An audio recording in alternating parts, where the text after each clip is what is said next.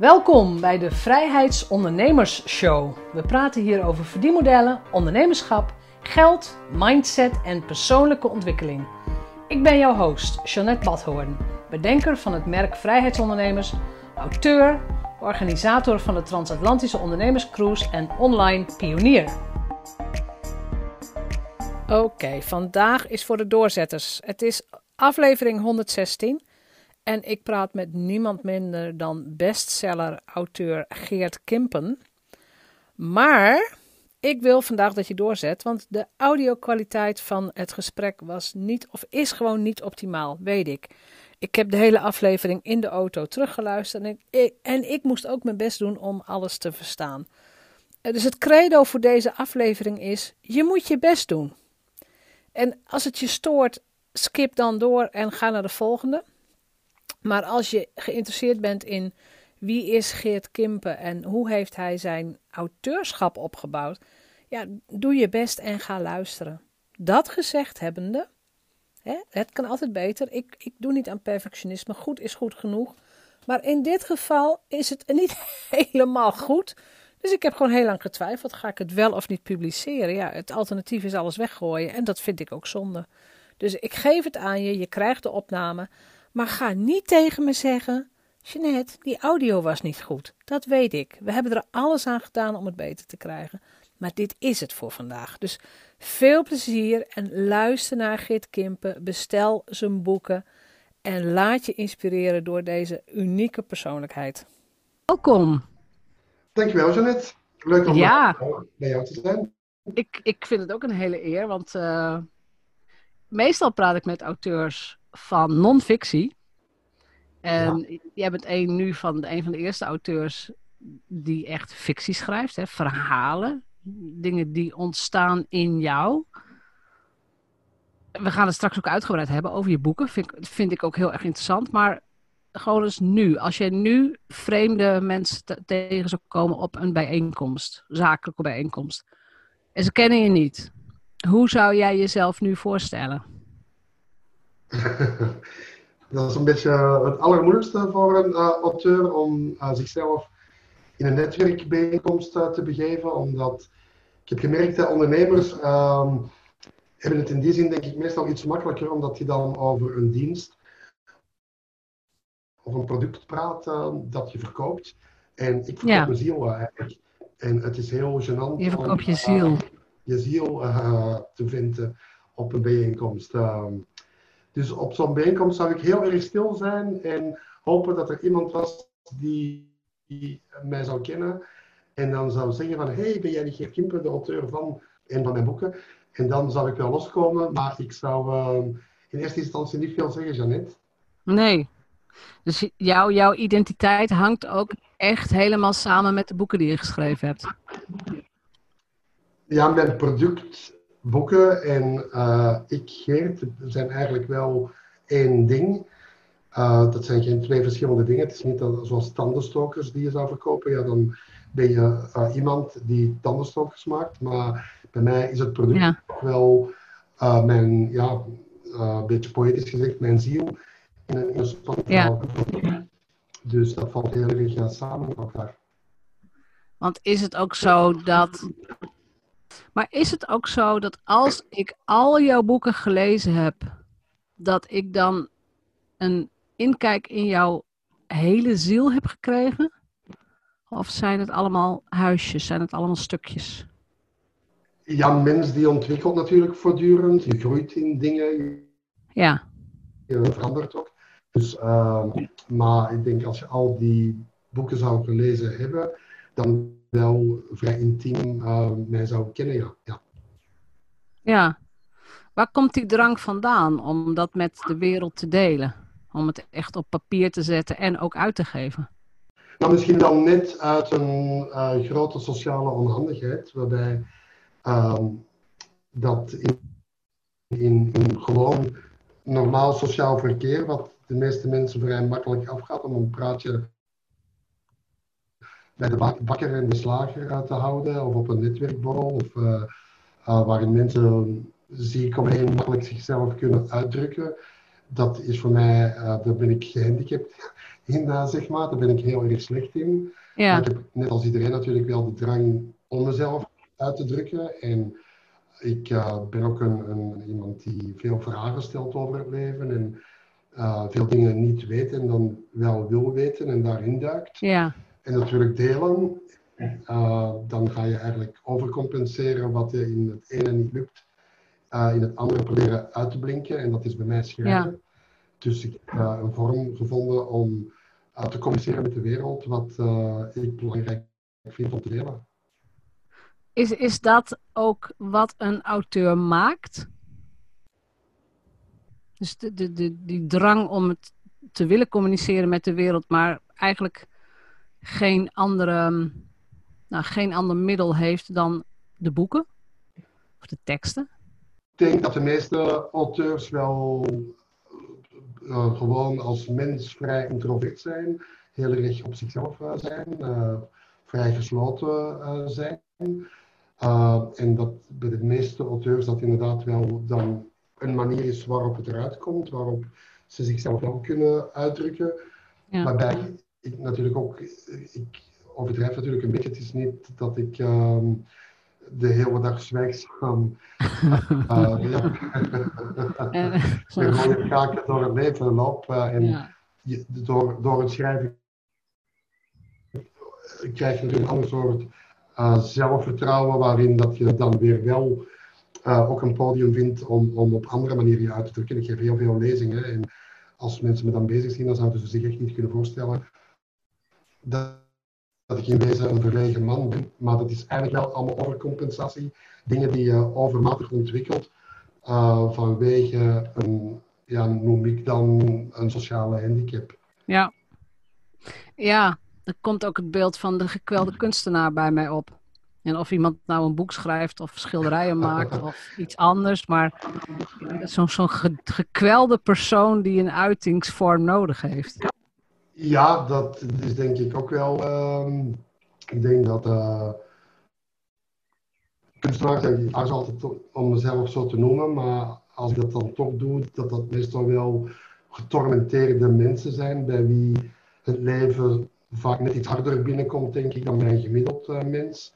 Ja. Dat ze dingen iets intens voelen, uh, dieper kunnen zakken daarin, in, in wanhoop, depressie, verdriet enzovoort. Maar het is tegelijkertijd natuurlijk ook de kracht, omdat je daardoor het vermogen meestal ontwikkelt om dat op papier te krijgen, waardoor dat andere mensen zich daarin kunnen herkennen. Ja. ja, want dat is wel wat boeken doen.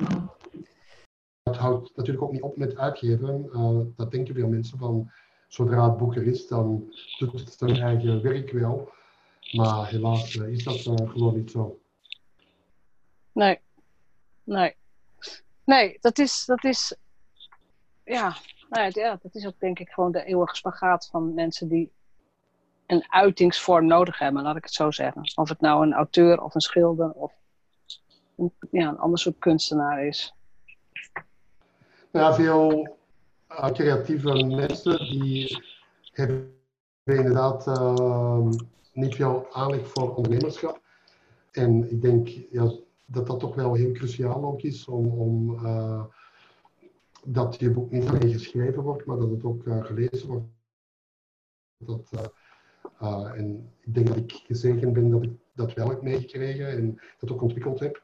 En ja. in ondernemen creatief ben, waardoor je natuurlijk verder komt dan iemand die alleen maar mooi geen idee heeft wat hij verder met dat boek aan moet. Hoe heeft het auteurschap jou, sowieso jouw hele leven beïnvloed? Ja, het heeft me de luxe gegeven om eigenlijk altijd te kunnen bezig zijn met uh, waar ik mee wil bezig zijn, met, met de onderwerpen die me interesseren en de luxe te hebben om daar dan volledig in te duiken en uh, in te graven. Dus dat uh, ja, is wel een groot geschenk dat, dat je je eigen interesses en passies uh, volop kunt leven. En ja. niet moet woekeren met een baan tegelijkertijd en dan in de avonturen je aan je hobby kunt uh, wijden of zo. Dat het voor mij ja, heerlijk is om, om de hele dag daarmee bezig te, te, mogen zijn. Ja, want hoe lang, hoe lang duurt het gemiddeld voordat je één boek klaar hebt? Met de research en alles erbij. Twee jaar ongeveer. Ja, twee jaar. Dus dan dat betekent dat er voor dat boek in elk geval twee jaar lang, daar komt geen inkomsten op binnen. Ja. De andere boeken lopen door. Begint dat nu ook een soort compound effect te zijn? Dat je van meerdere boeken nu al royalties krijgt? Ja, gelukkig lopen de andere boeken door. En iedere keer dat er een nieuw boek komt, is er weer een nieuw publiek dat je ontdekt. En als die het boek leuk vinden, gaan ze natuurlijk ook weer uh, oudere titels uh, kopen en lezen. Ja, ja. Um, dus dat, dat, dat loopt gelukkig wel door. En ja, ik geef ook veel lezingen, dus daar, daar krijg je natuurlijk ook uh, inkomsten van. Inmiddels heb ik een eigen uitgeverij of twee uitgeverijen. Um, ik geef schrijfweken waarin mensen leren hoe ze een boek kunnen schrijven. Dus uit ja. zo één bloem van het schrijverschap komen natuurlijk een heleboel andere bloemen uh, voort die dat uh, ervoor zorgen dat, dat je je alleen daarmee bezig kunt houden. Ja. ja. En dan komt corona. Hoe heeft dat nu jouw, jouw hele zijn beïnvloed? Professioneel eigenlijk niet uh, heel ingrijpend. Ik had natuurlijk wel een aantal lezingen staan die dat uh, gecanceld zijn, maar ja. die zijn allemaal naar uh, september, oktober verplaatst. Dus dat is op zich niet geen groot uh, probleem uh, eigenlijk. Nee. Um, ja, voor schrijven, ik leef eigenlijk constant in quarantaine, dus uh, dat is Ja, dat klopt. dat, verschil, dat verschil merk je eigenlijk niet. nee, ja. dat is ook geen groot verschil. Uh, ik had een schrijfweek gepland uh, in een abdij die we afgehuurd hadden, waar een dertigtal mensen die cursus zouden komen volgen. Nou, daar hebben we een online cursus van gemaakt via Zoom en dat is eigenlijk net zo goed gedaan. Dus eigenlijk um, valt dat reuze mee. En, en, onze uitgeverij die loopt ook uh, gewoon heel goed door. Uh, mensen hebben nu ook net heel veel tijd om een boek te gaan schrijven. Dus uh, heel ja. veel mensen kloppen bij ons aan daarvoor. dus het, ehm, zakelijk gezien is de invloed niet enorm groot van corona. En wist je van tevoren dat je meerdere, want ik, ik vind het ook leuk om even over geld en zo te praten. Wist je van tevoren dat je meerdere inkomstenstromen wou hebben? Dus parallele inkomstenstromen? Ja, ja. Ja, want in die zin is natuurlijk een boek nooit te voorspellen. Van, je bent altijd zo goed als je laatste boek. En ja. Ja, elk boek moet maar net in de roos zijn dat je daar uh, zoveel exemplaren van verkoopt dat je er twee jaar van kunt leven. Um, dus ja, het is gewoon belangrijk dat je toch een beetje uh, dat risico spreidt, dat je nevenactiviteiten uh, hebt die doorlopen, waardoor dat je de continuïteit van je eigen schrijven kunt uh, waarborgen. En, en dat ondernemerschap, is dat iets wat je zelf hebt ontwikkeld? Of heb je dat ook afgekeken bij bijvoorbeeld je vader of bij andere mensen? Ja, ik ben natuurlijk opgegroeid als zoon van een zelfstandige in een boekhandel. Dus dat, krijg je gewoon mee natuurlijk. Dat je, mijn vader moest ook voortdurend allerlei initiatieven ontplooien om zo'n boekhandel uh, in de picture te krijgen. En die had een concurrent uh, tegenover hem zitten, waar dat uh, jarenlang een bikkelharde strijd was van de klanten ofwel naar zijn winkel ofwel naar de andere winkel te, te zien gaan. Dus dat, okay, krijg je als kind mee. Dus dat was niet zo moeilijk. ook als toen ik in de theaterwereld werkte, werkte ik ook als zelfstandige. Dus ik heb alle de beroepen, ook al zijn ze, associëren mensen ze niet meteen met ondernemerschap, maar ik denk dat je net in dit soort beroepen nog meer ondernemer moet zijn, omdat uh, het niet evident is uiteraard om je geld uh, ermee te verdienen. Nee, klopt. heb je ooit een baan gehad? Uh, ja, ja ik, ik, heb al een aantal jaren in België voor de uh, eh, BRT heette dat toen uh, gewerkt, uh, de radio en televisie gewerkt. Maar dat was eigenlijk ook meer een soort van freelance ehm, werkverhouding. Dus dat was niet dat ik daar elke dag om negen uur moest zijn en om vijf uur weer naar buiten ging. Dat was toch ook nee, precies. Dat, dat bestaan heb je niet gekend. Nee. Nee, nee. nee. Dat is ook luxe. Ja, ja dat, dat begin ik me meer en meer te realiseren inderdaad. Van dat dat echt ja, heerlijk is dat, dat, dat je aan niemand verantwoording hoeft af te leggen. En uh, dat je verantwoordelijk bent voor je eigen succes en, en falen. Dat je dat, dat niemand kunt afschuiven dan op jezelf. Ja. Nou ja, en, en niet in de files en geen baas waar je last van hebt. Of... Ja, ja. Ja, dat, dat, dat, dat is voor mij de, de ultieme vrijheid. Ja. Ja, en, ja. ja, precies. En jij hebt dat dus eigenlijk gewoon... Want ik heb het wel meegemaakt.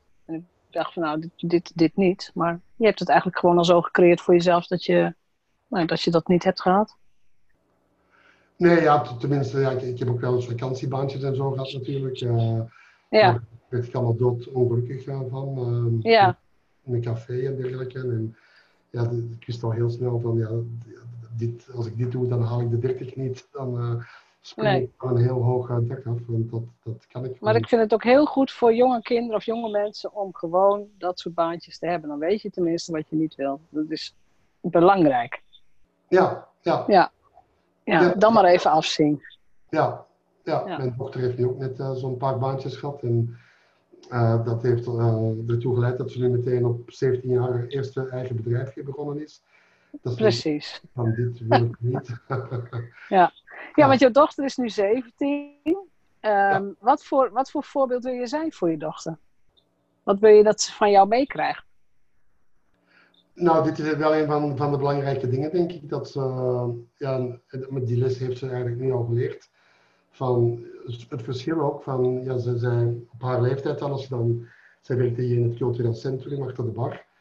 Dan kreeg ze 3,50 euro per uur of zoiets, geloof ik.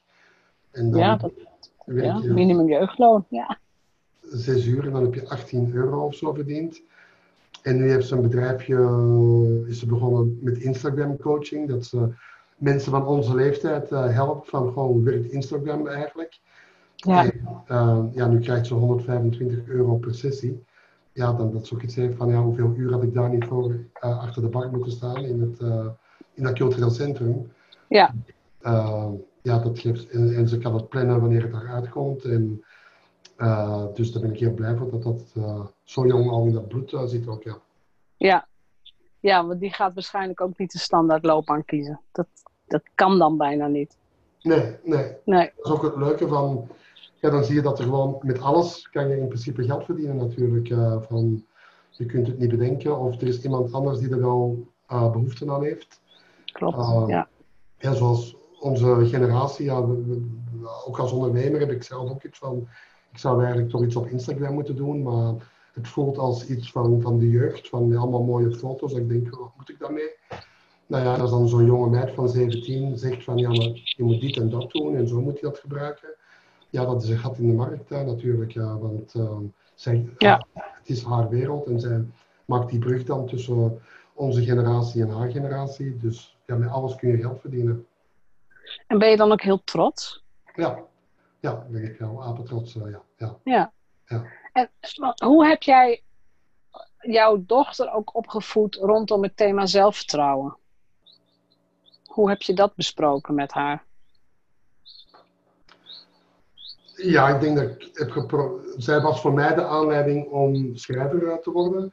Want toen, ik, uh, toen zij geboren werd en ik haar in mijn armen hield en in haar oogjes keek voor de eerste keer, toen dacht ik van wauw, wat een prachtig vol wijs wezentje dat ik mag gaan begeleiden in dit leven en mag gaan Ja. helpen om te gaan doen wat ze te doen heeft in dit uh, leven.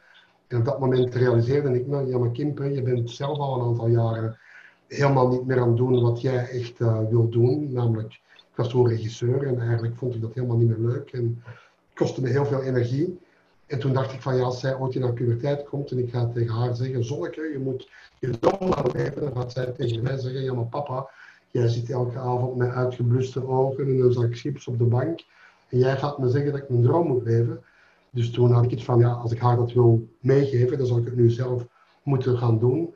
En dat is de aanleiding voor mij geweest om al mijn opdrachtgevers in het theater te bellen, dat ik niet meer kwam en dat ik uh, mijn boek uh, ging schrijven. Dat is wel heel interessant, want wat zou er zijn gebeurd als je geen kinderen had gekregen? uh, ik denk dat, ja, heel pessimistisch gezegd, denk ik dat ik of symbolisch of letterlijk onder een grafzet zou liggen. Ja, hè? Ja. Ja. Is dat, niet...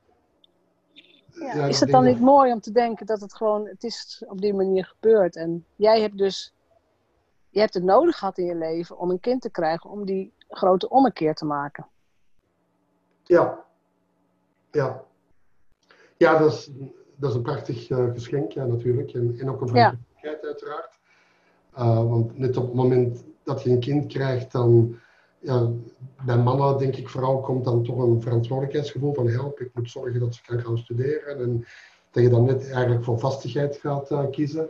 En voor mij was dat eigenlijk het moment om het grootste risico uit mijn leven te nemen, namelijk geen inkomsten meer en uh, alle geld zetten op uh, een onmogelijke droom. Want ja, als je buurjongen zegt van ik moet schrijven en het wordt, ja, dan kijken de meeste mensen erop van ja, ja, het zal wel.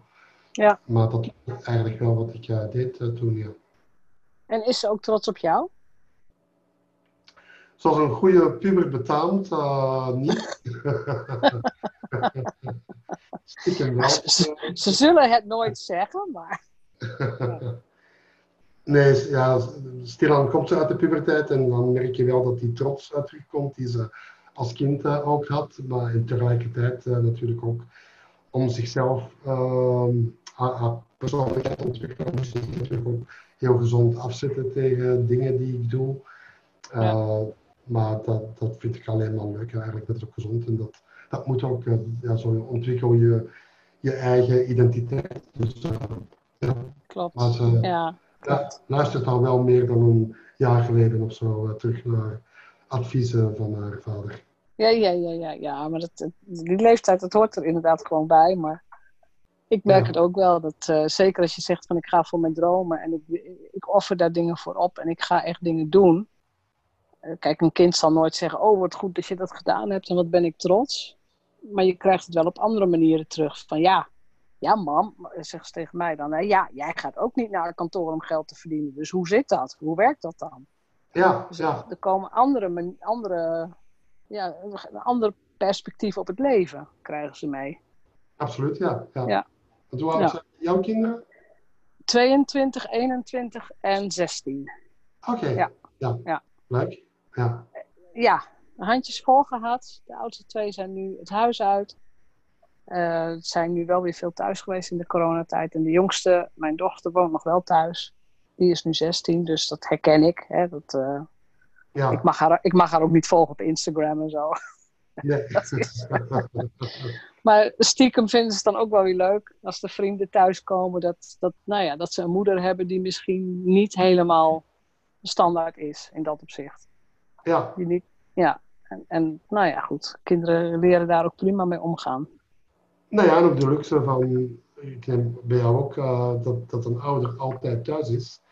Dat uh, is op zich natuurlijk ook heel bijzonder. Uh, van, uh, voor de meeste kinderen is wat hun ouders doen heel abstract, omdat ze ergens naartoe gaan en geen idee hebben wat die ouders ja. uitspoken. En uh, wanneer, ze, wanneer je thuisgewerkt doet, ja, dan zien ze gewoon wat je doet. En ja. ondertussen krijgen ze natuurlijk toch heel veel van mee. Ja, ze, ik ben veel thuis. Uh, ze weten wel dat ik dan, nou ja, dat ik online dingen doe. Maar wat je echt doet, weten ze eigenlijk ook niet helemaal. En dat is ook, dat is ook helemaal oké. Dat is ook helemaal prima. Ja. Maar ik, ik ben inderdaad, of ik ben bijna 100% thuis, of ik ben echt weer een paar weken helemaal weg. Dat gebeurt ook wel. Ja. En dat is ook goed, dat is ook prima. Dan hebben ze ook weer even, hebben ze even weer rust en nou, kunnen ze eventjes weer met hun, met hun vader of met elkaar uh, de boel oplossen. Helemaal, dat is helemaal prima. Ja. het is bij mijn kinderen zelfs zo erg als ik te lang thuis ben, dat ze zeggen, mam, moet jij niet weer eens op reis of zo? Moet je niet weer eens weg? Ja. ja. Dus wat, wat, dat betreft is deze coronaperiode wel... Uh, nou, was, was best, dat was best druk thuis, vond ik. Ja. In verhouding met, uh, met daarvoor. Ja. Ja, inderdaad. Dan, dan, uh, om dan je werk altijd te doen met de kinderen in huis, dat is ook niet altijd even makkelijk, inderdaad. Ja, ja dat klopt. Um, Oké, okay, boeken lezingen, schrijfweek.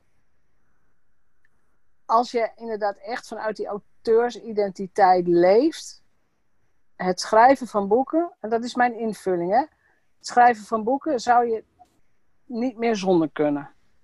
Is dat zo? Ik denk het wel, ja. ja. Ik denk, uh, ja, ik, ik heb me echt in, in mindere tijden echt wel vaak afgebracht van, jeetje, kan ik niet iets anders gaan doen? En ik heb duizend dingen bedacht, niet, niet wat ik zou kunnen bedenken, dat uh, ik uh, net zo enthousiast over zou zijn. Dus ik denk uh, dat, dat, dat ik wel gedoemd ben om dat te blijven doen, ja. Ja, want je zegt in mindere tijden, je hebt, je hebt een echtscheiding gehad en inmiddels, en dat staat allemaal op internet, dus dat kunnen mensen vinden, maar inmiddels heb jij weer een nieuwe liefde gevonden. Ja. Die periode daartussen, dat was geen fijne periode, begreep ik. Nee, dat is een heftige periode inderdaad geweest. Ook een periode waarin ik niet heb kunnen schrijven. Omdat je dan zo ja, met jezelf in de knop zit en met het leven in de knop zit. En, ja. Uh, dan ja, want dat is dan inderdaad een misvatting rond de getormenteerde kunstenaar. Als een kunstenaar echt heel getormenteerd is, ja, dan is hij meestal geen kunstenaar meer, want uh, dan kan je niet creëren. Dan, uh, ja, dan is het leven te heftig om daar iets moois uit te kunnen distilleren. Dat kan je altijd pas achteraf, als, als de storm gaan liggen is, dan kun je er iets moois van maken. Maar uh, op het moment zelf, ja, dan, dan uh, verlamt het je, dan, dan heb je alle aandacht en energie nodig om te overleven en uh, niet om te geren. En is dat ook iets wat jij nu van jezelf weet? Dat het een, een, een piek- en dalbeweging is? Ja, dat uh, heeft uh, het verleden wel uitgewezen dat dat zo is. Dus je probeert natuurlijk dat wel een beetje binnen een bandbreedte te houden, dat het niet zo diep gaat als dat het in dit geval de laatste jaren uh, voor mij geweest is. Maar anderzijds, ja, leven kan soms onherroepelijk hard zijn. Ja. Uh, dus dat is ook iets waar je geen zinnig woord over kunt zeggen. Van, ja, die echtscheiding die was inderdaad voor mij heel heftig, maar ja, er kunnen nog heftige dingen gebeuren, of nog wel heftiger dingen gebeuren. Uh, en ja, dan word je weer een speelbal van het lot. En dan zal je hopelijk wel iets geleerd hebben uit de vorige crisissen. Om er iets beter mee om te gaan. Maar ja, het zal toch altijd. Uh, ja, dat, dat, dat blijft de nederigheid die je als mens moet hebben. Van, dat leven is tot op zekere hoogte maakbaar, ook als ondernemer. Maar op zekere hoogte natuurlijk ook niet. Uh, klopt, ja, klopt. En, en, en dat innerlijke vertrouwen van het komt goed, heb je dat kunnen ontwikkelen? in de loop van de jaren? Van oké, nu is het misschien beroerd, maar ik, hè, het komt goed. Ik weet dat het goed komt. Um, nou, dat is ook nog wel een werkpunt, uh, denk ik. Uh, als ik in het diepste dal zit, dan denk ik niet dat het goed komt. Uh, nee. Oké, okay. oké. Okay. Hoe kom je daar dan uit? Ja, met heel veel liefde. Um, um, dat, dat uh, uiteindelijk toch een paar mensen in je omgeving zijn die, die er zijn voor jou en die uh, geduld hebben en uh, die je stapje voor stapje niet veroordelen dat het traag gaat, maar het vertrouwen hebben dat, dat, dat je de goede weg op gaat en, en zo stapje voor stapje. Ja, want zou je er ook uit zijn, of kom je er ook uit, want je hebt nu wel een, een, een prachtige nieuwe liefde gevonden als dat niet gebeurd zou zijn, blijf je dan langer in die donkere periode? Ja, ja dat uh, weet ik wel zeker, ja. ja. Ja, dus het doet jou gewoon heel erg goed als, als, het, nou ja, als er een, een echt grote liefde in je leven is. Dat is wel een van de pijlers van mijn uh, bestaan, uh, ja. ja. Dat er niet is, ja. dan, dan, loopt wel alles uh, manke heel snel, ja. ja. Ja. Ja, dat, ja, dat is inderdaad tegelijkertijd natuurlijk ook het lastige. Want je kunt, dat kun je niet afdwingen. Nee. Je kunt niet zeggen, nou, morgen, morgen wil ik mijn grote nieuwe liefde ontmoeten. Komt u maar. Nee. Ja. Ja. nee ik denk in zijn algemeenheid dat, dat vrouwen dat beter kunnen. Ik denk dat vrouwen in die zin sterker zijn en veel makkelijker uh, een bestaan voor zichzelf kunnen opbouwen. En er ook gelukkig in kunnen floreren en vrede met zichzelf kunnen hebben. En dat mannen ja, dat toch lastiger vinden, denk ik. Ja, want het is ook wel een thema waar je mee bezig bent. Hè? Met het, het verschil met hoe mannen daarmee omgaan en hoe vrouwen daarmee omgaan. Je hebt ook een mannenreis naar India gedaan, volgens mij.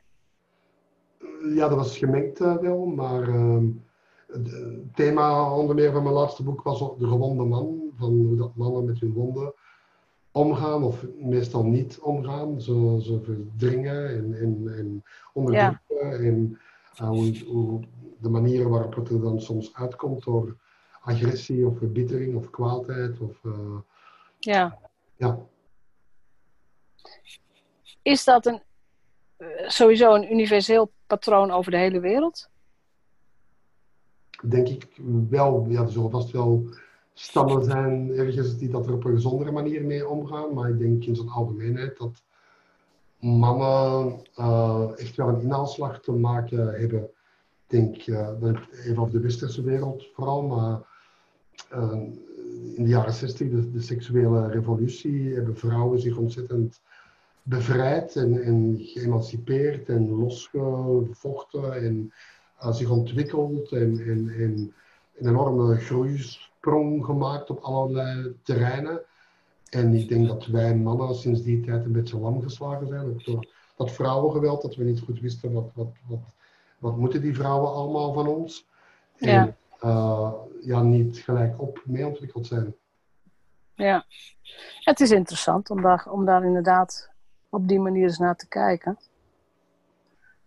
Ja, ik weet het ook niet. Ik, ik heb het antwoord ook niet. Ik weet het ook niet.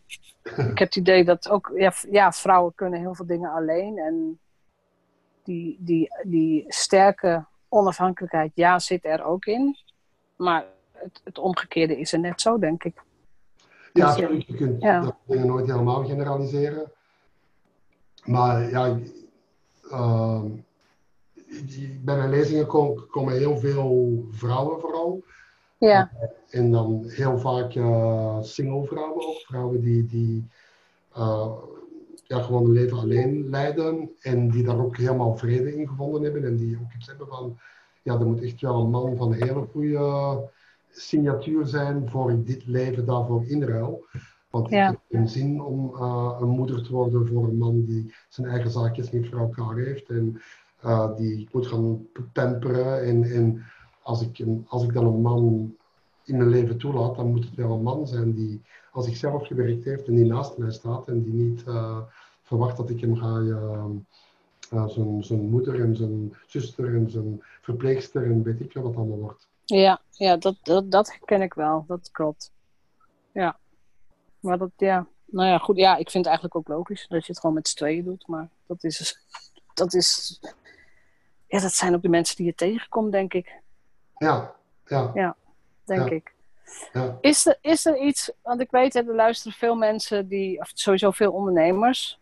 En niet iedereen droomt meteen van een boek, maar jij bent heel erg je droom achteraan gegaan. En ook niet alleen maar droom, je hebt, het ook, je hebt ook echt de actie ondernomen, je bent gaan doen. Is er een doorslaggevend advies of een doorslaggevende tip die jij hebt voor luisteraars die ook wel dat grote verlangen hebben, maar nog niet in die actie zijn geschoten?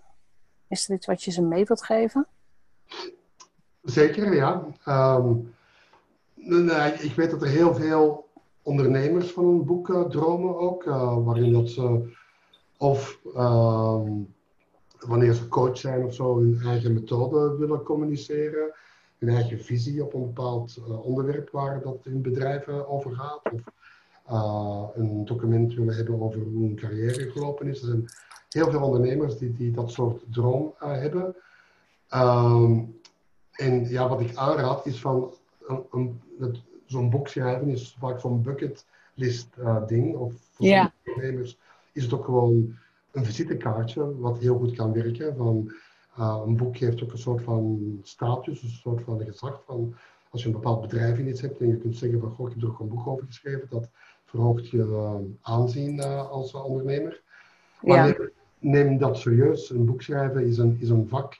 En iedereen kan met een beetje moeite 50 of 100 pagina's vullen, maar dan heb je nog geen boek in de zin van dat het een goed boek is.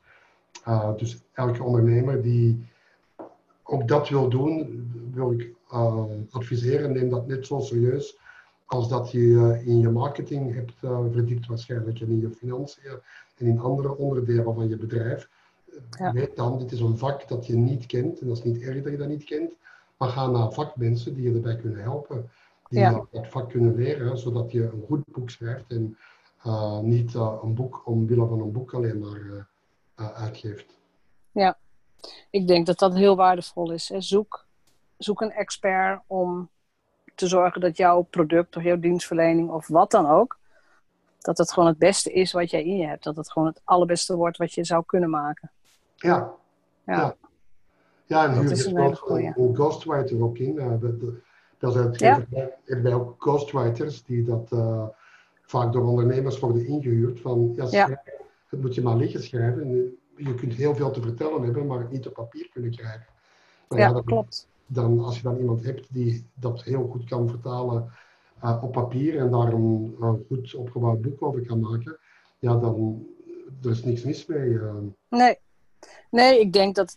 Ik weet het natuurlijk niet zeker, want ik kijk nog niet naar de achterkanten daarvan. Maar ik denk dat heel veel boeken van zeg maar de celebrities en beroemde mensen, dat het, dat het allemaal ghostwriter boeken zijn. Dat denk ik. Ja, ja. Ik weet, ik weet niet of het zo is, maar dan denk ik ja, oh, die voetballer, zou die zijn eigen boek geschreven hebben? Of die filmster, of ik, ik, ik weet het niet. Nee, in dit geval niet. Uh, nee, nee. nee, dat idee heb ik ook. Ik denk, nou, maar ik vind het slim, want het boek is er wel en het verhaal is wel verteld. Zo, zo simpel is het dan gewoon. Ja, ja. Ja, ja. ja we hebben heel recent nog een, een, een uh, project gedaan met, met onze uitgeverij, met uh, de ghostwriter van de wereld eigenlijk. Ja, dat is, uh, het is ook een film, de ghostwriter, en, en waar die film op gebaseerd is, op die ghostwriter, daar hebben we een boek voor een Nederlandse ondernemer laten schrijven, dat deze week toevallig uitkomt. Ja. Uh, en dat is, dat is heerlijk. Dat is een man die voor alle grote der aarde boeken heeft geschreven. En zijn minimumtarief is uh, eh, 100.000 pond. Uh, voor minder doet hij het niet. Ja. En ehm, die schrijft vier boeken per jaar. Ja. En, eh, dus inderdaad, vooral die ja, bekende mensen en ondernemers en rijke ja. sheiks en noem maar op. En nu dus voor deze Nederlandse ondernemer. ja, schrijft hij binnen drie maanden een prachtig boek, een vakwerk. Ja. Ehm, dus ja, als je zelf dat talent niet hebt, ja, huur dan iemand in die het wel uh, heeft. Ja, het is toch fantastisch hè, dat inderdaad, hij heeft dat talent en dat, dat heeft hij gewoon maximaal ingezet. En heeft hij een comfortabel leven. Ja, hij heeft een heerlijk leven en ook gewoon een ijzeren discipline. Elke ochtend om uh, negen uur gaat hij schrijven tot een uur of één. En ja. uh, zo schrijft hij boek na boek. En hij wordt uitgenodigd op de meest wilde feestjes overal ter wereld bij die Ja, mensen. ja, ja, precies. Iedereen kent hem, ja. Ja, dus hij heeft een heel leuk leven. En, uh, ja, ja. ja. Ik, het is een leuk, ik denk ook een leuke film. Is het een film die we ergens kunnen zien op Netflix of zo, of niet? Ja, het is een heel uh, bekende film. The Ghostwriter uh, heet hij. ja, ik weet niet of hij op Netflix is, maar hij is vast... ja, hij is ook in de bioscoop en zo geweest. Oké, ik ga gewoon eens zoeken. Ja. Want, dat is inderdaad iets, dat zijn van die, van die ambachten die eigenlijk altijd achter de schermen blijven. Ja. Maar het is juist interessant, vind ik, om dat gewoon te zien. Van iemand kan iets goed. Nou, dat buit je dus maximaal uit. Ja. Ja, ja helemaal goed. Hm. Ja, voor nu zit onze tijd erop. Um, mag ik jou heel erg bedanken voor de tijd en de inzichten. Heel graag gedaan. Het leuk om met jou te uh, praten. Dankjewel voor je belangstellende en interessante vragen. Ja, ik, ik vind het heel erg leuk. Het enige inderdaad, uh, nou ja, we, we, hadden wat audio-uitdagingen, dus ik ga kijken wat er allemaal wel en niet op staat. Uh, dat we daar toch een mooi gesprek van maken. En als het er niet helemaal goed op staat, misschien dat we dan over een half jaar gewoon nog een keer kunnen zitten en zeggen, nou, we gaan nog weer eens verder praten. Over boeken en ondernemerschap en, en, al die dingen die je doet. Over India hebben we het helemaal niet gehad. Er zijn gewoon heel veel mooie dingen om te bespreken die, waarvan ik echt zeker weet dat mensen geïnspireerd raken. Gewoon doordat je het doet. Dat, dat is echt heel waardevol. Ja. Dus voor nu in elk geval dank je wel. Bedankt voor het luisteren naar de Vrijheid Ondernemers Show. Geef de show een review op iTunes. Als vrijheidsondernemer werk je waar, wanneer en met wie jij wilt. Dat gun ik jou ook. Ik weet dat het kan. En bij de juiste keuzes is vrijheid ook voor jou mogelijk. Op jouw vrijheid!